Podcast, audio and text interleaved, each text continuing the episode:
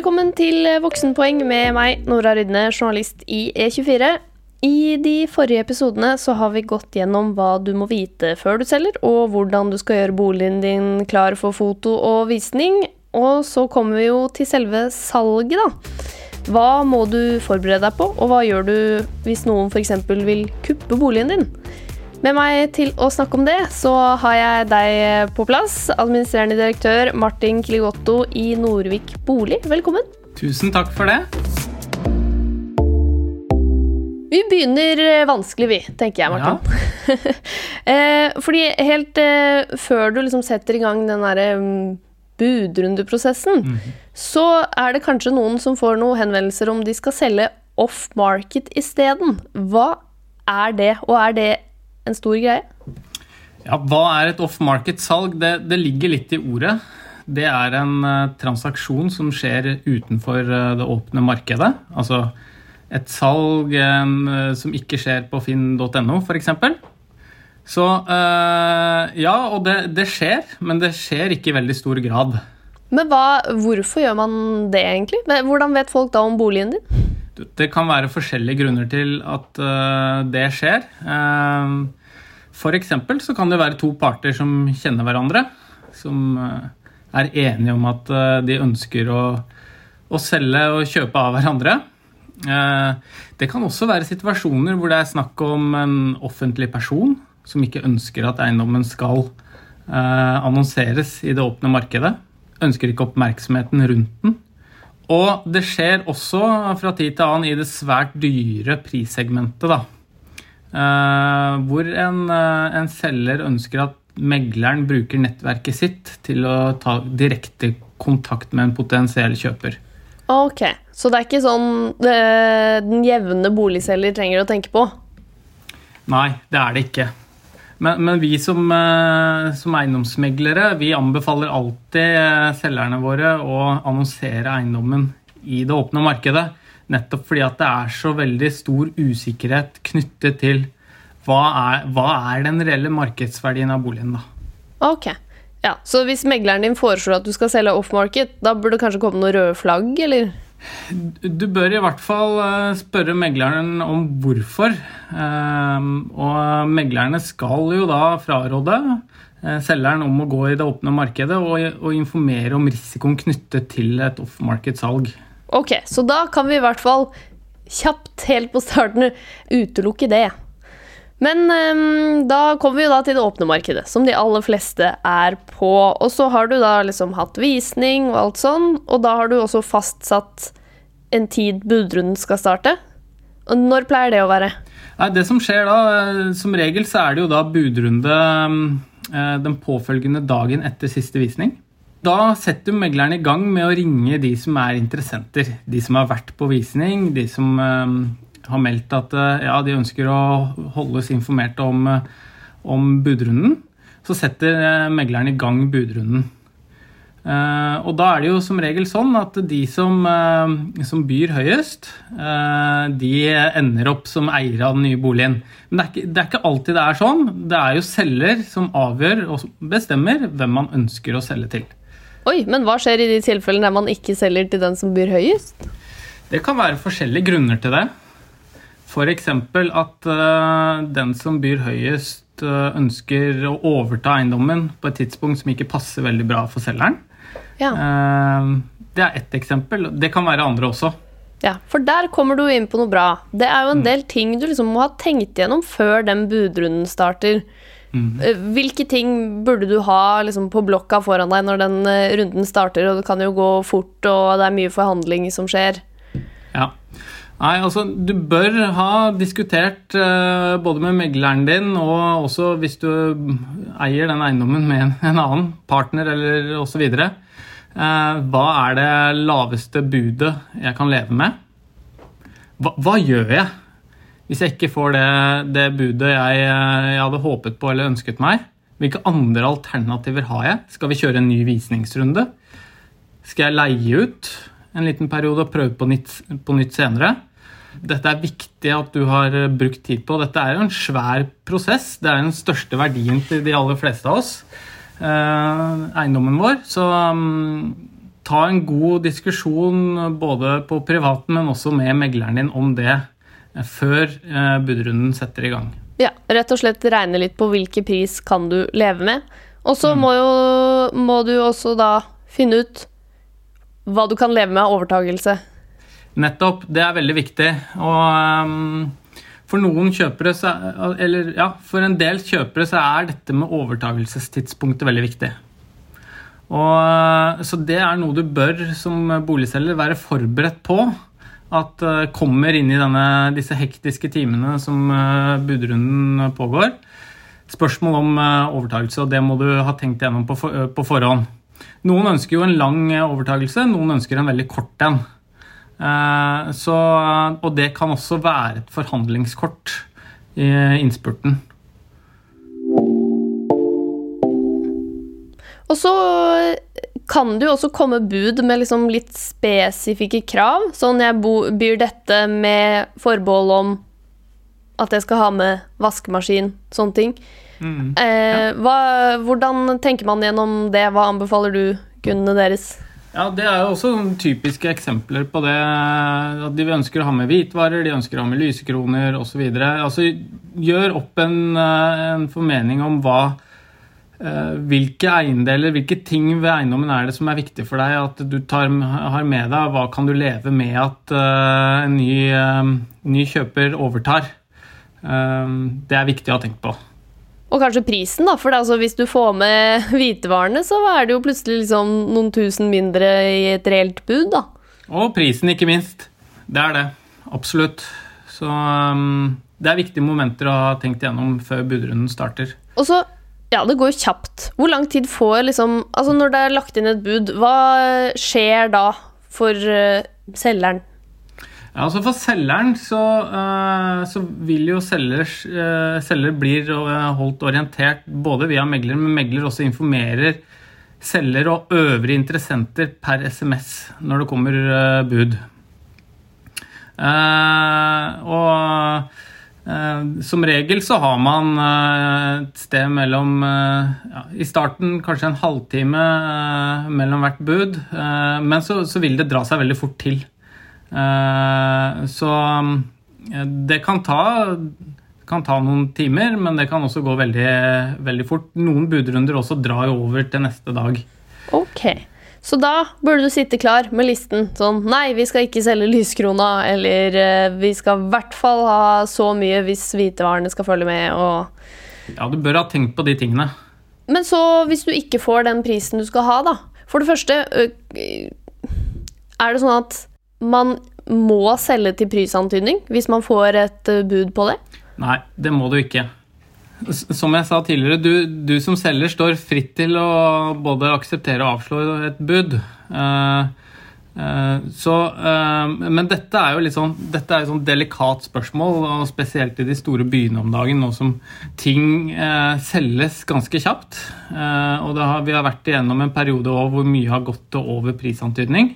Nå ser det riktignok ut som ting begynner å normalisere seg, men, men kan også um, Man kan også få litt litt falske forventninger til, uh, til hvilken pris man oppnår i budrunden.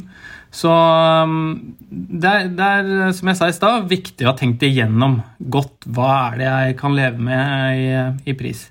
Dersom du, dersom du, ikke får den prisen du hadde håpet på, så uh, går det an å ta en ny runde. Uh, vi ser veldig ofte det at en visningsrunde nummer to kan, kan føre til en, til en bedre pris. Det er også et godt alternativ. Men koster ikke det ganske mye ekstra? Altså, Hvor mye ekstra blir det egentlig hvis du skal ta en ny runde med visning og, og budrunde? Nei, altså øh, Det er jo en del alternativkostnader. Kanskje du sitter har, har, kjøpt en, en bolig, og du sitter med, med en mellomfinansiering. Så, så, bør du jo absolutt vurdere om, om det budet du har fått, er noe du bør akseptere med tanke på at det, det påløper mye rentekostnader. Når det gjelder eh, kostnadene ved salget, så er det ikke så mye dyrere å la det gå en uke til. Eh, de fleste meglerforetakene har kontrakter som sier at man kun betaler megleren for, eh, for visning, eh, et visningsvederlag da, i tillegg. Så provisjonen til megleren er, er den samme, Oh, ja. selv om man går en runde til. Ja. Ok, men da må du sjekke hvilken kontrakt du har inngått, da. Om det ja. Har du en ren provisjonsbasert kontrakt, så, så blir det ikke noe dyrere av den grunn utover en ny visningsrunde. Eh, Men har du en timesbasert eh, kontrakt med megleren din, så vil det naturlig nok eh, bli dyrere, da. Ok. Så det viktigste er egentlig at du eventuelt da ser på mellomfinansieringen. Om du har råd. Det er den største utgiften. Det er det. Men er det ikke mange som Hvorfor, hvorfor kan man få en høyere pris ved en ny budrunde? For er det ikke ganske mange som tenker at å ja, den gikk ikke første gang, her kan jeg gjøre et kupp? Jo, men det, altså, det handler om en match, dette her, ikke sant? Uh, eh, hvor mange er det som ser eiendommen din? Eh, og, kan, eh, og spesielt i byene så kan det være potensielle interessenter som godt kunne tenkt seg din leilighet som, eh, eller, eller ditt hus, men som er i en budrunde på en, på en tilsvarende eiendom. Som de kanskje ikke da ender opp med, og som da kan være interessert allikevel. Så, så veldig ofte ser vi at det, det lønner seg å gå en runde til. Men eh, Ber liksom megleren da folk senke forventningen, eller er det rett og slett bare litt lotto? Nei, litt lotto er det ikke. Uh, men eh, en, en, når, når du har fått testet eiendommen din i, i markedet etter uh, to visningsrunder og en dag med budrunde, så har, har ganske mange fått en reality check på hvor attraktiv er eiendommen min for markedet der ute. Så ja, det, det, det bidrar kanskje til å senke, dempe forventningene litt eh, hos selgeren. Er det mange da som går for den at de, at de leier ut en periode isteden? Ja, noen gjør det. Noen har ikke dårlig tid med å bli, bli kvitt eiendommen sin. Eh, eller de har økonomi til å stå igjennom eh, en periode med litt, eh, litt høyere rentekostnader og velger å leie ut en, eh, en periode. Og teste markedet igjen litt seinere. Men er det noe å tjene på det? Ja? Eller er det egentlig bare sånn Du sier jo har økonomi til det. Er det egentlig ofte et tapsprosjekt, eller et risikabelt prosjekt? Det, det er jo alltid risiko knyttet til det å, å selge eiendommen sin. Det, det jeg kan si som, et sånt, eh, som en hovedregel og som et godt råd, er at det er vanskelig å spå fremtiden. Eh, Veldig godt og, råd. er du, ja, og er du i den situasjonen i dag, hvor vi i de aller fleste byer i Norge har et veldig effektivt og godt uh, marked, Uh, hvor liggetiden på eiendommene er ganske kort, veldig kort i, i Oslo og omegn, og noe lenger uh, ute på landet, men allikevel ganske forutsigbar, så ville jeg råde de som er usikre, til å benytte seg av den, den dynamikken som er i markedet nå. Så har vi jo et annet fenomen her, da, i litt sånn omvendt rekke. Hvis du eh, har en såpass attraktiv eiendom at noen eh, forsøker å kuppe den. Det har vi jo sett at skjer mer og mer jo hetere boligmarkedet er, kanskje liksom spesielt i de store byene, og enda mer spesifikt i Oslo. At noen kommer inn og prøver å kuppe. Kan ikke du forklare hva er konseptet kuppe, egentlig? Ja, altså det eh, det, det eh, er, er at eh, noen som er veldig interessert i eiendommen din, og de, de har sett den på Finn, den har akkurat blitt lagt ut f.eks., tar kontakt med deg og ber om en privatvisning og, og gir deg et tilbud om å, kjøpe, om å, om å selge eiendommen din til, til, til seg selv. da. Det er, det er kupping. Eh, De prøver å kapre boligen før budrunden. Vi så det i stor grad nå i, vinter. Og så har det eh, dabbet litt mer av, fordi de aller fleste nå ser at eh, det er en dårlig deal. De aller fleste selgerne ser det. Du får mer for eiendommen din i det åpne markedet, og ikke minst Du sitter igjen med en følelse av hva var det jeg egentlig kunne oppnådd? Um, Ja, du får aldri vite Du får aldri vite.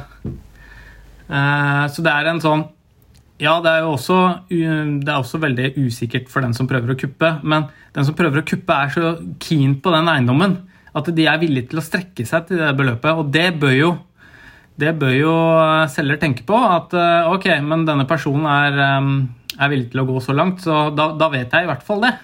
Vi, vi tar alltid den praten med våre selgere at uh, vi anbefaler dere å takke nei til et, uh, til et kuppeforsøk. da. Å kjøre normal prosess i markedet. Men hvorfor er det såpass mange som sier ja til det? Da Da må det jo være noe attraktivt med det? Du havner fort i en situasjon, og vi, vi ser det ofte på disse kuppesituasjonene, at de, du blir tilbudt mer enn det du har lagt ut eiendommen for at du rett og slett ikke tør å si nei. Ok. Så um, mitt råd er å ikke uh, ikke kjøre kupping.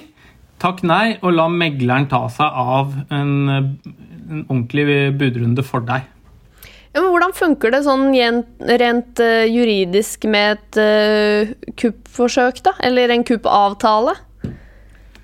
Nei, altså det er jo en, eh, en, avtale som må skje mellom eh, den som forsøker å kuppe, og, og selgeren.